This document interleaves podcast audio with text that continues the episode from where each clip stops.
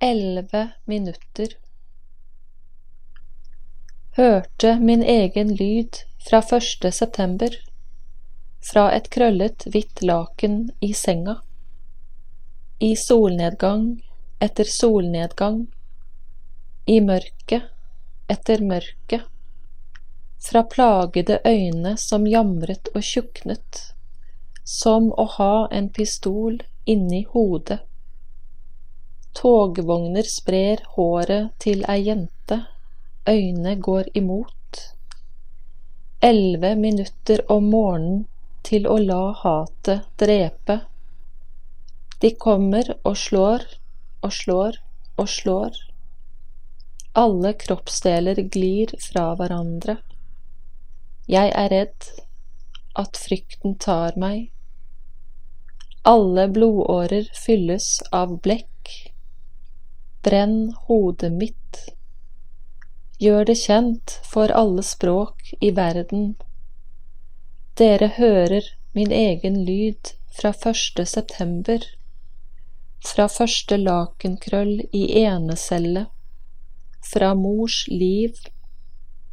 Kjennes som å ha en pistol inni hodet. Togvogner sprer håret til ei jente øyne går imot, kvalm av forsinket liv, fra min kvalme, fra min kvalme.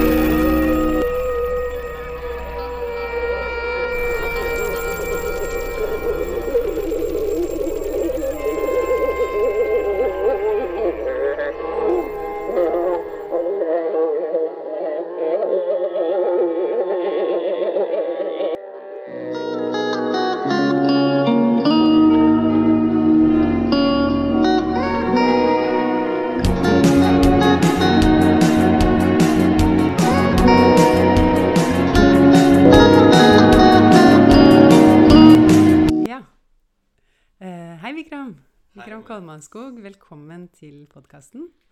Utrolig hyggelig å ha deg her.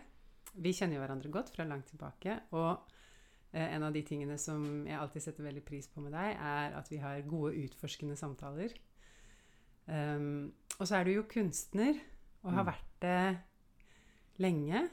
Og kanskje enda mer og mer og mer etter hvert som tiden går. Kjenner du deg igjen i det? Ja. Kan, altså i hvert fall Hva skal jeg si for noe den delen som er um, på en måte sånn legitim kunstner, på en måte. Utgitt noe og på en måte uh, Det er det jo mer av. Ja. Så er det jo spørsmålet hva er det det er å være en kunstner. Jeg tenker jo på en måte at det har vært der siden barndommen, egentlig. Men uh, jeg gir det vel kanskje mer og mer fokus også. den kreative, kunstneriske delen. Mm, så det Ja. stemmer nok, det. For du har jo i livet ditt gjort mye som ikke egentlig kanskje går inn under kategorien kunst. I hvert fall du har doktorgrad i juss, Mm. og du er gestaltterapeut og også dosent ved Norsk Gestaltinstitutt. Mm. Og så har du gitt ut en hel del bøker etter hvert. Mm. I tillegg så har du også engasjert deg i Foreningen for skeive kunstnere. Ja, Stemmer det? altså Pride Art. Altså, Pride Art. Ja, mm, Mhm. I Norge. Ja. Mm. Og du har, driver et forlag hvor dere gir ut uh, queer litteratur. ja. Egentlig fra hele verden. Egentlig Mohini Books, så det er jo først og fremst på engelsk. Og litt sånn Vi har hatt særlig forbindelser mellom India og Norge, da, men uh, egentlig over hele verden, ja. Mm. Mm. Og det er et lite forlag. Ja, ja. mm. Men uh, det lever, og dere har prosjekter og Ja. Nå holder vi jo på med en antologi om um, korona. Altså skeive liv under korona og ulike uttrykk. Og der tror jeg det er bidrag fra ja, veldig mange forskjellige land, egentlig. Så det er gøy. Ja, det er veldig spennende. Mm. Um, og så syns jeg at uh, det er noen sånne temaer i din kunst som jeg, jeg syns er veldig spennende, for, litt fordi de er veldig komplekse. Og et av dem er uh, egentlig veldig knytta til din person, da. Eh, og du skriver veldig personlig også. Eh, men dette med at du har en kombinasjon av å være privilegert og underprivilegert. Ikke sant? Du er norsk, vokst opp her, velstående familie, Um, høy utdanning, veldig intelligent, du er veldig vakker. uh, og det er jo en sånn rad med ganske åpenbare privilegier da, som du har. Mm. Samtidig så er du også homofil, brun i huden, så du kjenner deg også igjen i noen underprivilegerte kategorier, kan man si. da. Mm. Og dette kommer også til uttrykk i kunsten din. Mm. Og jeg opplever at du utforsker det ganske aktivt. Mm. Kan du si noe mer om det? Hvordan det er for deg? Ja, altså det innebærer jo en slags kompleksitet, da, tenker jeg. At det er Jeg tror vi mennesker har veldig lett for å liksom enten ville være det ene eller det andre. Det, og samtidig så, så lurer jeg jo på om kanskje um, de privilegiene jeg har, og de posisjonene av makt jeg har, at eh, jeg kan jo bruke de, da. Ikke sant, I forhold til de andre identitetene. Så det at jeg har um, det at jeg har en økonomisk på en måte kapital, en kulturell kapital osv., sosial kapital, gjør jo at jeg kanskje kan um, gi stemme til, uh, til noe av det skeive på en annen måte. Hvis jeg ikke hadde hatt det. Kanskje. Mm. Altså, det er jo noe um, uh, både, Det handler jo om tilgang, ikke sant, til, til, uh, til plattformer. men også tryggheten til å kanskje snakke og gjøre ting. Så, så der er det kanskje noe mm, um, For eksempel, sant, jeg har jo gitt ut en del um, både fortellinger og dikt i India som del av den um, LHBTQ-mobiliseringen som foregikk der. Og mye av det har jo vært veldig sånn eksplisitt homoerotisk.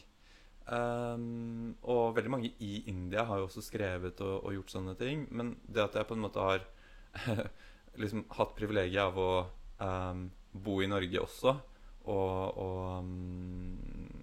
hatt en annen trygghet, så kanskje det har eh, gjort at jeg har følt meg enda litt mer sånn komfortabel med å, å bidra på den måten. Mm. Mm. Sier du at, eh, at du har en frihet i disse såkalt underprivilegerte markørene, eller identitetene, Mm. pga. de privilegiene du har? Jeg tror det. Mm, jeg tror det. Men du utforsker det jo også helt sånn kunstnerisk i tekstene dine. Eh, kan, kanskje fordommer da, er et sånn eh, omdreiningspunkt når det Mm. gjelder den utforskninga. Mm. Hva er det du prøver å få til der? Ja, ikke sant? Altså, for meg så er jo det skeive prosjektet veldig mye mer enn um, enn på en måte, hva skal vi si, homolitteratur, da. Eller enn uh, likekjønnet kjærlighet, på en måte.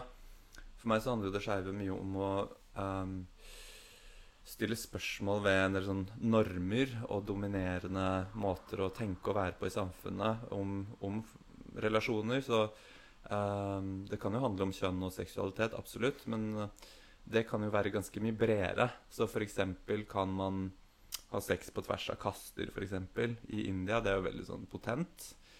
Um, kan man eh, ha kjærlighetsforhold på tvers av kaster. Um, og det er jo eksempel no, så, og, Men også den tittelnovellen i den 'Lord of the Senses', altså um, Den bygger jo på en mystisk poet fra 1500-tallet, Mirabai. Som, ikke sant, Hvorfor er den med i en, en novellesamling som er for det meste skeiv? Jo, det er fordi hun um, Hun hadde en sånn kjærlighet til Gud som på en måte gjorde at hun brøt med sin mann og det arrangerte ekteskapet. Hun uh, hadde en sånn liksom, helt sånn gal kjærlighet da, til Gud. Um, som gjorde at hun sant, uh, danset og sang med alle. alle lag av befolkningen. Til og med, altså Hun var jo hindu, da, så liksom til og med muslimer. ikke sant? Det var ikke noe skille der. så det å bryte med de der skillene for hvem man kan omgås med, og, og, og hvem som er innenfor og utenfor, det er også noe skeivt noe i det. Mm. Det henger jo egentlig også veldig sammen med det håndlige for meg. da, ikke sant? Og hvordan forholder vi oss til alle disse skillene som vi setter opp? Ja. Um, mm. Men det også Det høres ut som at uh, At også en, At det handler om å følge sin en eller annen indre og, kall, eller uh, Du snakker om det åndelige. At uh, med Mirabai så handler det om hennes forhold til Gud. At det gir henne kraft til å bryte ned masse sånne eksterne stengsel eller samfunnsmessige stengsler. Mm, mm. Tenker du at det er liksom et skeivt prosjekt, eller det er Mm. noe essens i det skeive for deg? ja. ja, det er interessant. Altså, det erotiske har jo i hvert fall en veldig sterk sånn kraft. Og så er spørsmålet hva er det vi lengter etter og mot? ikke sant? Jeg tenker sånn på et sånt uh, liksom umiddelbart nivå. Hvis man er skeiv, så lengter man etter en person, en kropp og en kjærlighet som ikke er sånn umiddelbart akseptert i det samfunnet. Uh, og så kan jo lengselen gå på en måte enda dypere, da. Til, eh, til eh, noe som er større enn oss, mer enn oss, bryter med mange av disse skillene. Mm. Da er det kanskje lett å begynne å bruke begreper som Gud, f.eks. Mm. Mm. Um, du har jo bakgrunn både fra Norge og gjennom Altså faren din er norsk, og moren din er av indisk familie. Og du har en sterk tilknytning til India. Mm. Du snakker gujarat også, gjør du det? Jeg er veldig dårlig gujarati og hindi, okay. men uh, ja, litt. Litt. Mm. men du har i hvert fall vært der veldig mye. Og Ja. som du sier, du har også gitt ut litteratur der, da, og har en forankring i noen miljøer der, og med noen folk. Mm. Hvordan vil du si at det er Du sa litt om dette med å kunne skrive friere fordi du har en norsk forankring. Mm. Hva annet er annerledes, både i forhold til det å være skeiv og det å være deg, og Mm. kanskje også det åndelige? Ja, ikke sant. Altså, jeg har jo Fordi jeg på en måte er litt midt imellom kulturer, da, kan du si Så er det igjen det der ønsket som jeg tror er veldig menneskelig, om å uh, ha ting enkelt. ikke sant? Vi vil falle inn i en eller annen boks også. Så, så det er jo noe jeg har på en måte uh, holdt litt på med og navigert siden jeg var liten. Um, og når jeg skriver ikke sant, fra India, forholder meg til India, indisk litteratur og sånn, så tar jeg på en måte litt sånn aktivt eierskap til den delen av identiteten min også. Og samtidig så er det noe veldig sånn skjørt og øh, komplisert der òg, fordi jeg er ikke helt indisk. Og det, merker, det er veldig tydelig når jeg er i India. ikke sant? Mine venner forholder, ikke, forholder seg ikke til meg som indisk i India. Um, som er kjempefrustrerende for meg. Uh, fordi da føler jeg liksom jeg er utenfor der også, i stor grad. Uh, men også når jeg da skriver, ikke sant? når jeg skriver uh, fortellinger som, hvor, hvor på en måte uh, de utspiller seg i India, så må jeg gjøre det med en viss sånn ydmykhet og forståelse av at jeg har faktisk ikke vokst opp i India. Jeg, jeg kjenner ikke inn og ut. Så jeg er jo opptatt av, av at um, ja, venner av meg leser, og, og um, også kan gi liksom tilbakemeldinger på ting. Mm. Har du fått noen tilbakemeldinger da, som du har måttet forholde deg til? Um, ja, altså hmm. Det har jo vært litt sånn ulike ting, men um, uh, Jeg vet ikke om du nå tenker på, på noe spesifikt? Nei, altså vi snakka ja. litt i forkant om en bestemt novelle hvor, som heter Ja, eller som, hvor du snakker om et forhold mellom en uh, Høykast, høykast hindu og en la- dalit. Ja. Ja, som da er Kasteløs. Ja, dalit er jo det begrepet som brukes i India. Ja. Uh, så det er det begrepet uh, den gruppen har, har tatt da, for å mm, Ja, som, som, de bruker om seg selv. Uh, men det er jo de som ble ansett og blir ansett som kasteløse av kastehinduer. Ja. Mm. Så i den, i den fortellingen så, så spiller jeg jo på det der med ja, ikke sant, erotikk mellom uh, to mennesker av veldig sånn ulike kaster. Mm. Har du noe kaster, kastet. liksom, tilhørighet sjøl gjennom familien din? Ja, altså på en måte så er det jo uh, Selv om mammas familie ikke snakker sånn mm, så veldig tydelig om kaste, så er det veldig tydelig hvilken klan, underkastet, vi tilhører. Mm. Eh, fordi jeg tror det er mange som kanskje ikke forstår det i Norge og andre steder hvor på en måte kaste er mer et sånn fremmedbegrep, men ikke sant, det ligger jo eh, Altså den slekta til mamma har jo sitt eget språk. Sant? De har sine egne klær. De har litt sine egne måter å feire ting på. Så det er på en måte en hel kultur også som ligger i det. Det er ikke bare et eh, hierarki, da. Det er ikke bare makt. Det er ikke bare makt og hierarki, nei. Det er også en, en gruppetilhørighet. Mm. Så det er det som kanskje gjør det litt komplisert. Um, mens, og, og jeg har jo da aldri fått høre sant, at det vi Jo, det er en sånn stolthet over å tilhøre akkurat den kasten. Uh, og så snakkes ikke andre kaster ned i mammas familie, og mammas familie er jo veldig progressiv. Men det er jo så interessant hvordan sånne ting blir subtilt. da, Og så nevnte du jo dette med fordommer. Og jeg trodde jo at jeg var ganske sånn fordomsløs, absolutt, i forhold til kast, i hvert fall. Uh, men så hadde jeg en uh, relasjon med en som var dalit i India på et tidspunkt. Og da ble jeg oppmerksom på at det var veldig sånn subtilt at øy, der dukket opp noen tanker hos meg som var helt sånn Jøss, hvor i alle dager kommer de fra? ikke sant? Som Mm. handlet om renhet, urenhet, en del sånne ting. Mm. Og det, den, ehm, det inspirerte meg jo litt til, eh, til å utforske det også litterært. Så den ene fortellingen, 'Ravenlila', som er et slags sånn spill på Ram-lila, som er det Som er um, Ram er jo på en måte en sånn uh, ganske kjent hindugud, da, eller representasjon. Mens Raven er mer en demon. Klassisk. Men så snur jeg det på hodet litt i Ravenlila, så det er leken med ra raven heller enn Rama. Og da er, gjør jo denne hovedpersonen, som er høykastehindu, projiserer en del ting på denne daliten. Og det kommer opp fordommer og en del sånn. Så, så det er på en måte en komplisert historie, vil jeg si. Ikke sant? Fordi det er både at de bryter med disse kastereglene i forhold til seksualitet. Absolutt. Men så er det jo også sånn at den høykastehinduen er jo ikke fri for fordommer. Og det er det jeg blir litt opptatt av. altså at eh, en del av meg har litt sånn uh, at det skeive litteraturprosjektet er litt normativt. At jeg vil noe med det. ikke sant? Jeg ønsker å skape endring. Og samtidig så er det noe med å anerkjenne også kompleksiteten i hvordan virkeligheten er. Så det at det, det fins fordommer, f.eks., eksempel Mm. og at ting kan være komplisert. Og så er det jo mer eh, hvordan forsøker vi å forholde oss til det, da. Mm.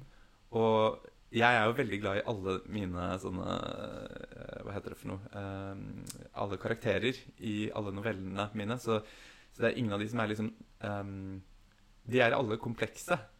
Uh, og jeg tenker sånn som den høykastehinduen som da projiserer og sant, blir oppmerksom på fordommer osv. Det er likevel en prosess som foregår der. Mm. Men det er jo en av de novellene som jeg har fått en sånn tilbakemelding på da, fra uh, også venner av meg i India, som er da sant, veldig opptatt av um, å bryte ned kaste, uh, kastenormer. Um, og de har reagert på at det var nærmest en slags sånn fetisjering av en dalit. Og ja um, Det er noe som jeg har lurt litt på. Uh, det kan jo godt hende. ikke sant? Jeg har noen blind spots, så kanskje jeg forsøkte å utforske noe der som likevel ikke helt uh, Ja. Du kom kanskje ikke helt i mål? Jeg kom kanskje ikke helt i mål. Så spennende. Mm. Kunne du tenkt deg å lese litt fra den novellen? Entering the bathroom together, shower and toilet crammed together in the small room, the thought passes through my mind that this used to be their traditional livelihood emptying and cleaning latrines, scavenging, the removal of waste and carcasses, dirty work. While we shower, I notice some dark spots on his shoulders and arms. Again, the word dirty appears in my mind. I recognize it. Don't judge myself for it. Remember that I don't need to identify with it, and then it leaves me like a bird leaving a tree, I think to myself. What are they? I ask as I touch the spots. Pigmentation, I was born with them. We clean each other as we did the last time. While I'm washing him, I squeeze his shoulders and neck a little. That's so nice, he says. Have you ever tried Thai massage? No. You should, especially Thai foot massage. It almost gives me an orgasm. Does he want me to give him one? I find feet repulsive, even my own feet. To me, feet are just dirty. But we're showering after all, and I want to do something for him. I came during sex earlier, he didn't. I move the soap down his chest and stomach, down his thighs and legs. I lift one of his feet, wash it, then the other. It makes me think of charnasparsha. Det er da at man tar på føttene til en som man har veldig respekt for i India. The touching of feet to pay respect has never been expected of me. I think Ma would be outraged and see it as subservient and demeaning. Nanima does it every day before her idol of Ram. I look up at Ahan. He smiles. I smile back.